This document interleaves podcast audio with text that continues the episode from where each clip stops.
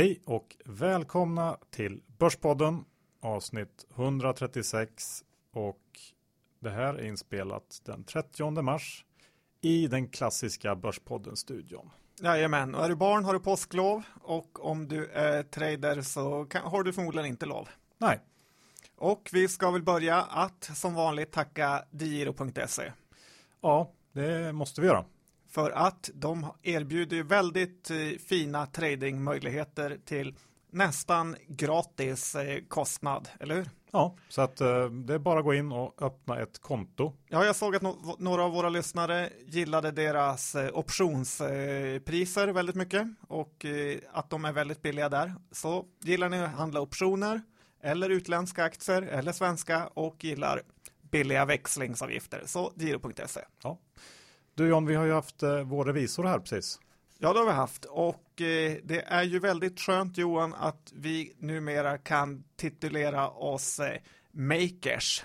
Du vet ju att mitt favoritparti i USA, Republikanerna, delar in folk i makers och takers och ja, vi bidrar numera istället för att ta. Härligt. Innan vi kör igång dagens avsnitt så har vi även Lendify att tacka. Ja, tack Lendify för att du erbjuder ett helt annat investeringssätt än vad man kan hitta på börsen. Peer-to-peer lending som man kikar på amerikanska bloggar växer faktiskt eh, ganska stort och den här avkastningen är ju helt okorrelerad mot eh, börsen. Så dels får man leka bank eller så får man låta Lendify sköta utlåningen åt dig och eh, i snitt har man väl ungefär 8% i avkastning vilket är väldigt bra. Så lendify.se, öppna konto, bli bank, tjäna pengar. Ja, gör det bättre än Swedbank. Du, nu kör vi igång dagens avsnitt. Bra.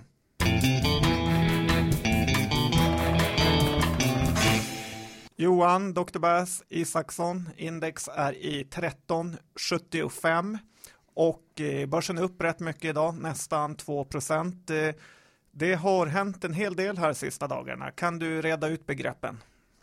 Ja, igår var ju Gällen ute och snackade och hon var väldigt duvaktig och pratade om att gå försiktigt fram när det gäller räntehöjningar i USA och eh, peka även på de här ökade riskerna i den globala ekonomin som man är lite rädd för, vilket då fick dollarn att tappa och eh, börsen i USA att stiga rätt kraftigt.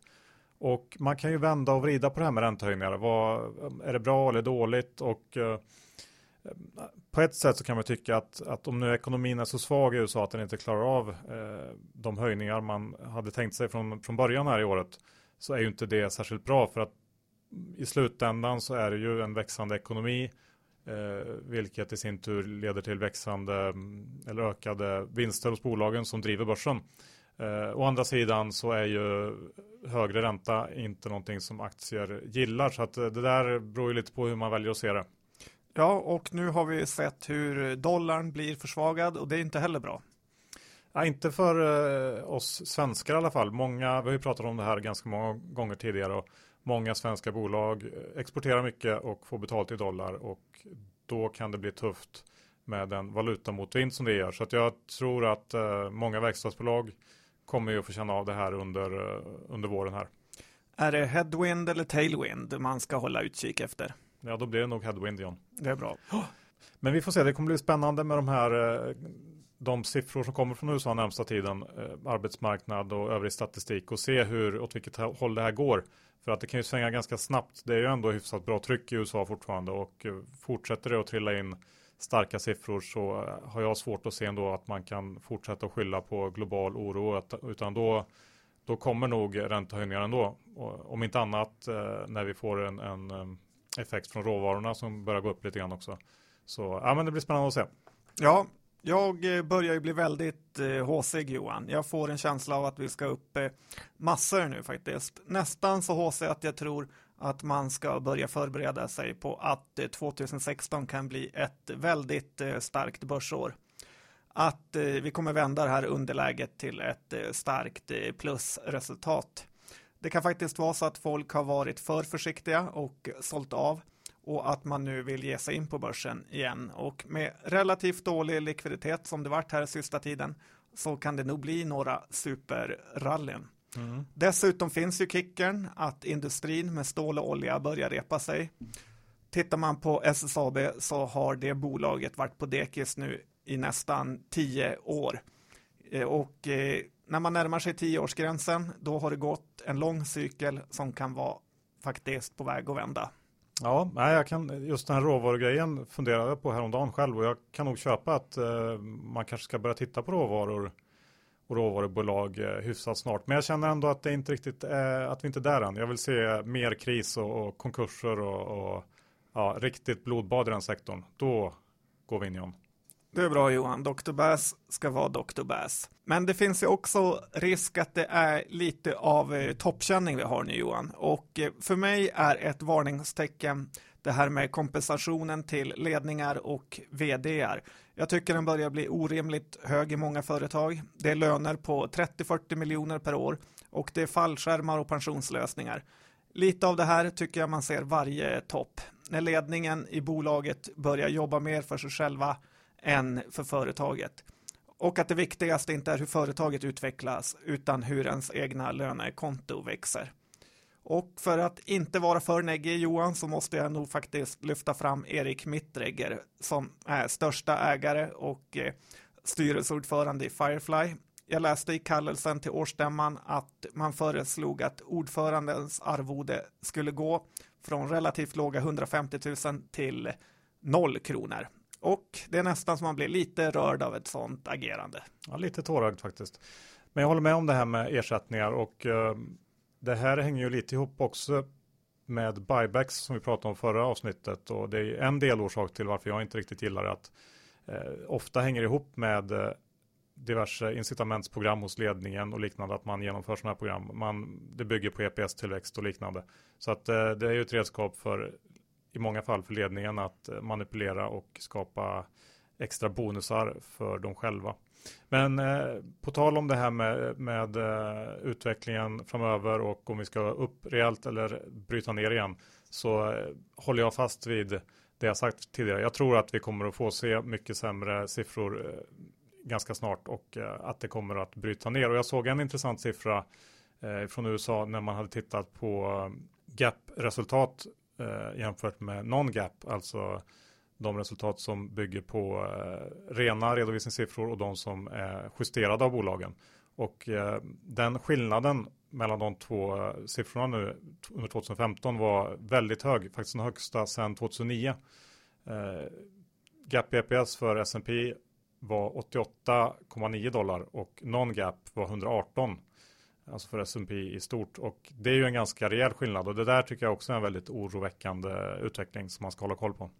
Ja, det är bra Johan. Du är lite som George eh, W. Bush med Stay the course. Du gick inte ner dig. Jag tänkte John eh, att vi skulle snabbt hoppa in på ett annat ämne. Kinnevik köpte i veckan in sig i Robo-advisorn Betterment. Och vi har ju snackat en hel del om eh, robotrådgivare tidigare i podden. Och det känns lite kul att Kinnevik ger sig in i den här nischen nu. Ja, verkligen. Vad har de gjort? Ja, de köpte väl ungefär 10% av eh, Betterment och ehm, det här är ju på något sätt eh, nästa steg i det som eh, nätmäklarna startar. Och Betterment erbjuder då egentligen placerare hjälp med att placera sina pengar till låg avgift. Man kan väl jämföra med någon slags förmögenhetsförvaltare eller liknande. Och det ska bli väldigt intressant att se hur de här bolagen lyckas Eh, och jag tror att fokus på vad förvaltning kostar kommer att öka framöver. Och sen om det, både när det gäller helhetslösningar som Betterment erbjuder och, vanligt fondsparande, eh, där jag tror ETF kommer att ta andelar. Och en orsak till det tror jag är att eh, den avkastningen man kan räkna med på börsen och i räntesparande nu när vi har nollräntor är ju rimligtvis väldigt, väldigt låg. Och att då betala en eller en och en halv procent för en traditionell förmögenhetsförvaltningstjänst eller ja, 1,5 procent för en traditionell fond eh, då blir det en väldigt, väldigt stor del av den avkastning som du kan räkna med. Det kan säkert vara en tredjedel eller något sånt. Och eh, det säger sig självt att det här kommer att pressas neråt. Jag tror Betterment tar eh, 0,15 procent per år om du har 100 000 dollar eller mer hos dem. Och då får du jämföra det med om du skulle ha pengar hos Carnegie eller Penser eller liknande så skulle du säkert få betala en eller en och en halv procent. Eh, så det här blir jätteintressant att följa. Sen får man ju se då hur framgångsrika de här förvaltarna kommer att vara också. Kan de ge riktigt bra råd baserat på vad deras robotar gör? Ja. Ja, du vet ju vad jag tycker om robotar, Johan. Ska vi tala lite om eh, Storbritanniens Brexit? Ja, det är ju verkligen på eh, tapeten nu. Ja, och det här kommer ju bli en väldigt eh, stor happening. Det är lite som fotbolls-EM. Och det har visat sig att flera hedgefonder håller på att eh, styra upp egna vallokalsundersökningar för att kunna spå hur valet eh, ska gå. En vallokalsundersökning är ju sådana som SVT och TV4 brukar göra när man står utanför vallokalen och frågar vad man röstat på och eh, det brukar då leda till ett ganska exakt svar hur det kommer gå. Grejen med det här är att vallokalsundersökningar av media inte får publiceras innan eh, vallokalerna har stängt för då kan det påverka hur andra röstar. Men hedgefonderna själva som gör egna och eh, om de bara använder dem för sin egen vinning så är det okej. Okay. Och eh, det kommer inte vara så att hedgefonderna öppnar ett Unibet-konto och sätter 10 000 på om det blir en Brexit eller inte, utan de kommer ju att eh, smacka på valuta valutamarknaden deluxe kan vi ju säga. Om de får ett tydligt resultat för om det blir en Brexit eller inte så kommer vi se hur valutan rör sig innan och det här kan vara något som är väldigt eh, intressant. Jag tror ju fortfarande på att det inte blir någon Brexit. Eh, jag tror ändå att man kommer att i sista stund svänga över till ett nej. Ja, men då kan det vara läge att köpa pundet. Ja, faktiskt.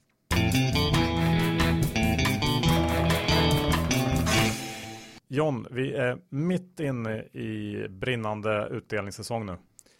Ja, så är det och det har ju blivit på mode att dela ut pengar två gånger om året. Telia gör det, Thule gör det och eh, flera andra bolag. Och jag måste säga att det här är ju faktiskt en riktigt dålig mörkläggning egentligen för att bolaget inte kan dela ut så mycket. Utdelningen man får nu här i april ska ju vara för 2015, det vill säga pengar som är intjänade redan. Vissa av de här pengarna är intjänade till och med för över ett år sedan. Varför ska man behöva vänta för att få pengar för 2015 till oktober 2016? Det är lite som att det skulle få din lön ett och ett halvt år efter du har gjort jobbet. Och jag tycker inte de här bolagen ska låtsas om som om de går emot någon USA-policy där man delar ut varje kvartal. För där får man ju pengar för kvartalet som varit, inte sex kvartal efteråt. Det här är lite pinsamt och irriterande Johan. Okej, okay, så du ryter ifrån lite där då? Ja, Ja, bra. Ge, ge mig pengarna snabbare. Ja, eh, vi kanske måste säga några ord om eh, Swedbank när man pratar om pengar. Ja, det där var ju en alldeles korrekt förutspåning Johan, att vi har bättre kontakter än mediehusen, vad som händer och Anders eh, Sundström fick sticka. Han fick sticka och eh, nu väntar vi bara på att eh, Peter Norman ska bli ordförande och det tror vi kommer att ske nästa år. Så att eh, ja, allting går enligt plan. Och eh, vi, eller i alla fall jag, är ju fortfarande negativ till bankerna som helhet och eh, ser ingen anledning att äga det här. Framförallt inte Swedbank. Nej, det är bra. Ja. Du John, Boliden har du tittat på? Ja, Boliden är ju ett av mina hatbolag och de gjorde ett eh, förvärv Anledningen till att Boliden klarat sig så bra jämfört med andra råvarubolag är ju delvis den starka dollarn, men också något som de flesta glömmer bort och eh, det är ju Bolidens väldigt starka balansräkning. De flesta gruvbolag består av 20% eget kapital och 80% skuld. Och i Boliden har det varit nästan helt tvärtom, som nästan har varit eh, skuldfritt. Nu ska börja de köpa och eh, Ja, det är svårt att säga om det här förvärvet är rätt eller fel, men man ska ju köpa när det är billigt och det kan vara ett eh, sånt läge. Ja, semibilligt i alla fall, även om jag tror att det blir billigare. Men eh, visst, spelbolagen John, ska vi kanske snacka lite om också. Ja, Johan, shoot. Ja, eh, Carnegie kom faktiskt idag ut med en stor eh, sektorgenomgång och de pekar på det här faktum att skatt på spel börjar komma krypande på flera viktiga marknader för de svenska spelbolagen. Holland är väl först ut och eh, man ska ta upp något lagförslag till diskussion i parlamentet här i början av april. Och det verkar luta åt en skatt på 29 procent.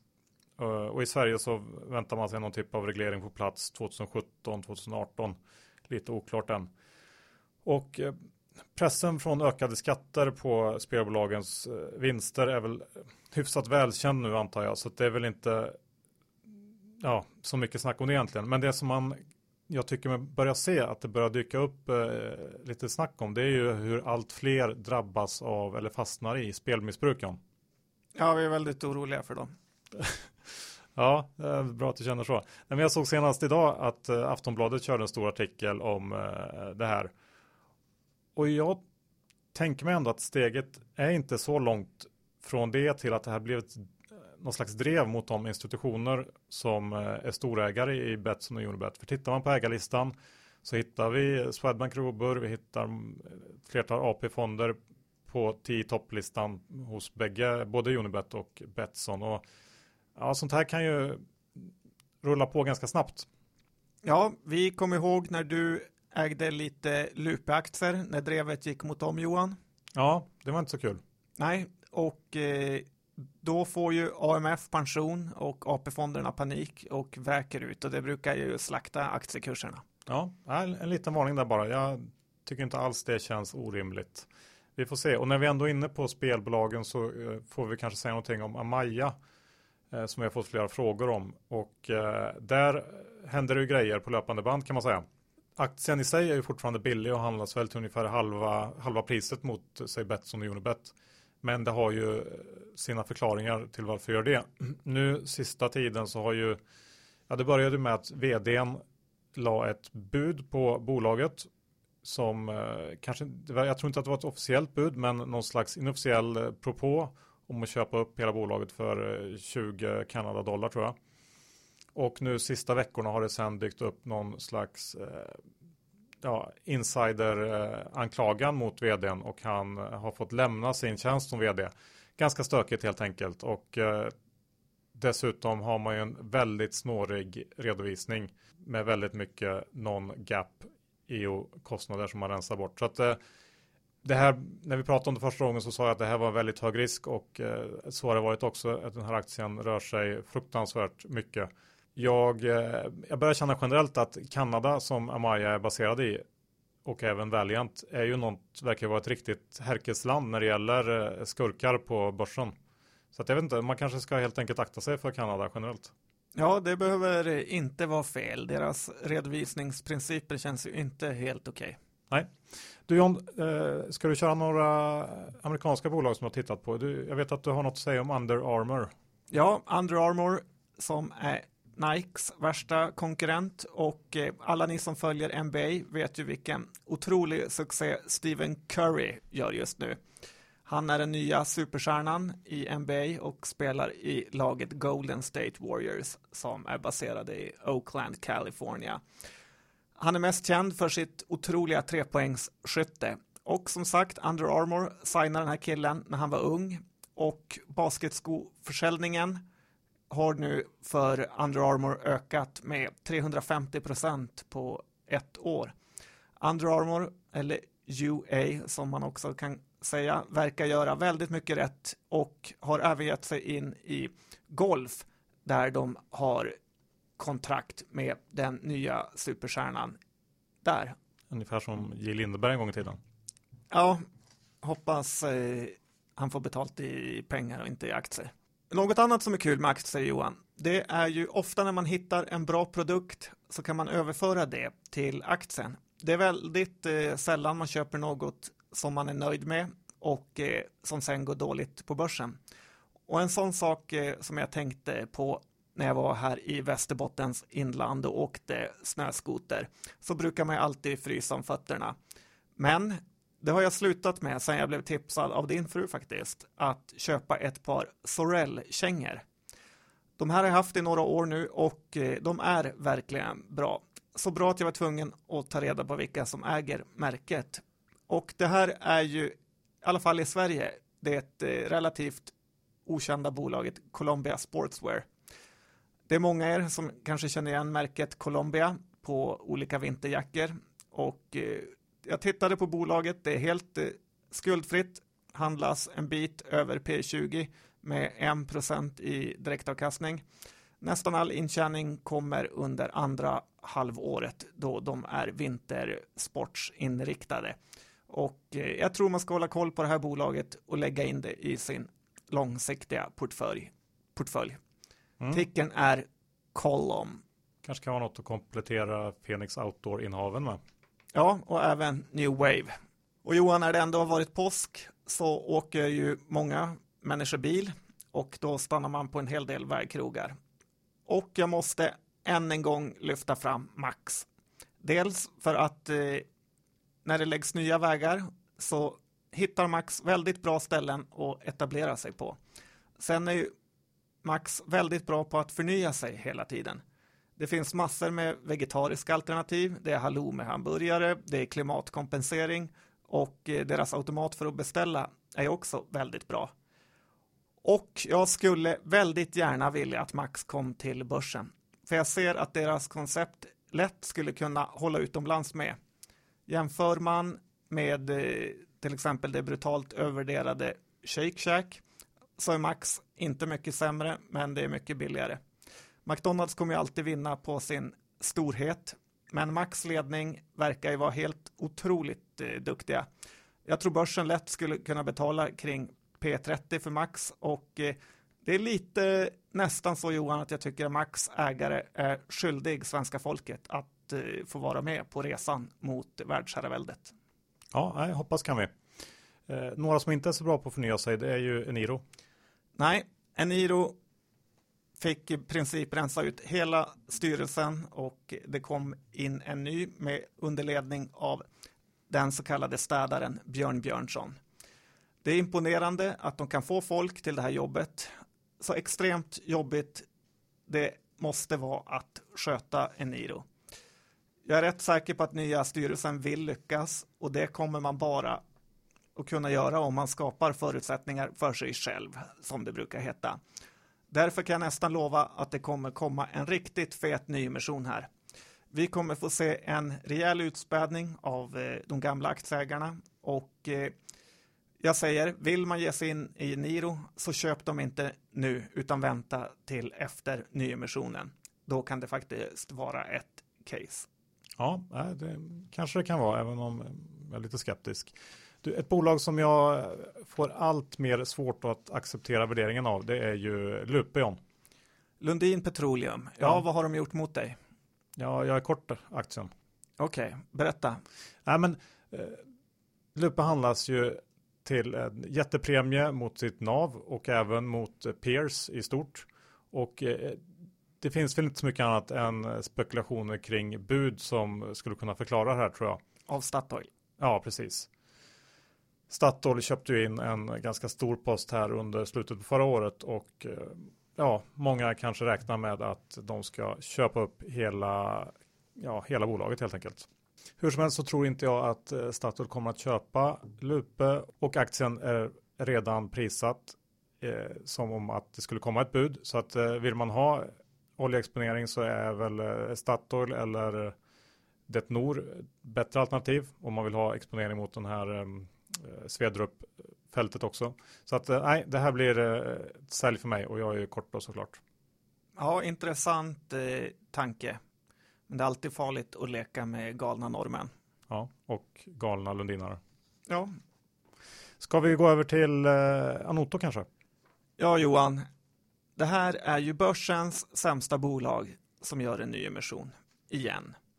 Hur det här härket kan fortsätta att finnas börjar ju nästan bli ett skämt. Bolaget har inte presterat något någonsin och ändå fortsätter stackars småsparare bli lurade av bolaget och även av investmentbankerna och av garanterna. Tidigare har Anoto kört med relativt små nyemissioner kring 20-30 millar för att ta sig igenom den dagliga driften. Oftast eh, riktade till ett gäng traders eller snabbfotade fonder som kränger ut det här direkt över börsen med några öres vinst. Den här gången fungerade det inte då man gör en riktigt, riktigt stor nyemission. Och då måste man göra en så kallad företrädesemission, det vill säga med teckningsrätter och hela köret. Och den här nyemissionen kan jag lova er kommer sättas deep, som det kallas. Jag skulle inte bli förvånad om eh, den nya teckningskursen är kring 20 öre. Jag har pratat med ett gäng av Stockholms största garanter och här är faktiskt folk rädda för att eh, man kommer få på sig massa aktier om man garanterar den här nyemissionen. Det vill säga att det inte kommer finnas tillräckligt med aktieägare som vill vara med och teckna. Och det här innebär i sin tur att aktien förmodligen kommer handlas extremt nära eller kanske till och med under teckningsnivån. Därför så kan jag å det starkaste Johan rekommendera att även de som tror på det här bolaget som är tokiga nu är att sälja sina aktier nu. Visst, den kan göra galna ryck, men det är i så fall efter den här nyemissionen är klar. Nu är det en långsam resa ner mot 20-25 öre och jag hoppas verkligen att de som lyssnat på den här podden inte råkat hamna i Anoto-härvan. Och har man det ändå, trots att man har lyssnat på podden Johan, så är man världens sämsta investerare. Så kan det vara. Och det här kan vi tacka nollräntan och centralbankerna för att vi har den här typen av zombieföretag som inte tillför någonting alls. Eh, tänk om man kunde använda de här pengarna till något eh, bra istället. Ja, tänk. Ja. R&B då, ska vi avsluta med dem? Det kan vi göra. Jag varnade för en trist rapport i R&B i förra veckan och eh, tyvärr så kom den in ännu sämre än man kunde tro. Aktien tappade 20% på rapportdagen och har nu gått från 18 till 14 där den handlas nu. Om det är köpläge här kan man ju fråga sig och eh, jag säger nej. För att det är för mycket osäkerhet i aktien och bolag som hamnar i den här typen av problem ska man akta sig för. Det tar för mycket energi och tid att vara med här. Mycket bättre att köra den amerikanska stilen och bara dumpa ut skiten och gå vidare. Visst finns det värde någonstans, men nu väntar två relativt trista kvartal framför R&B, så det är bara stay out.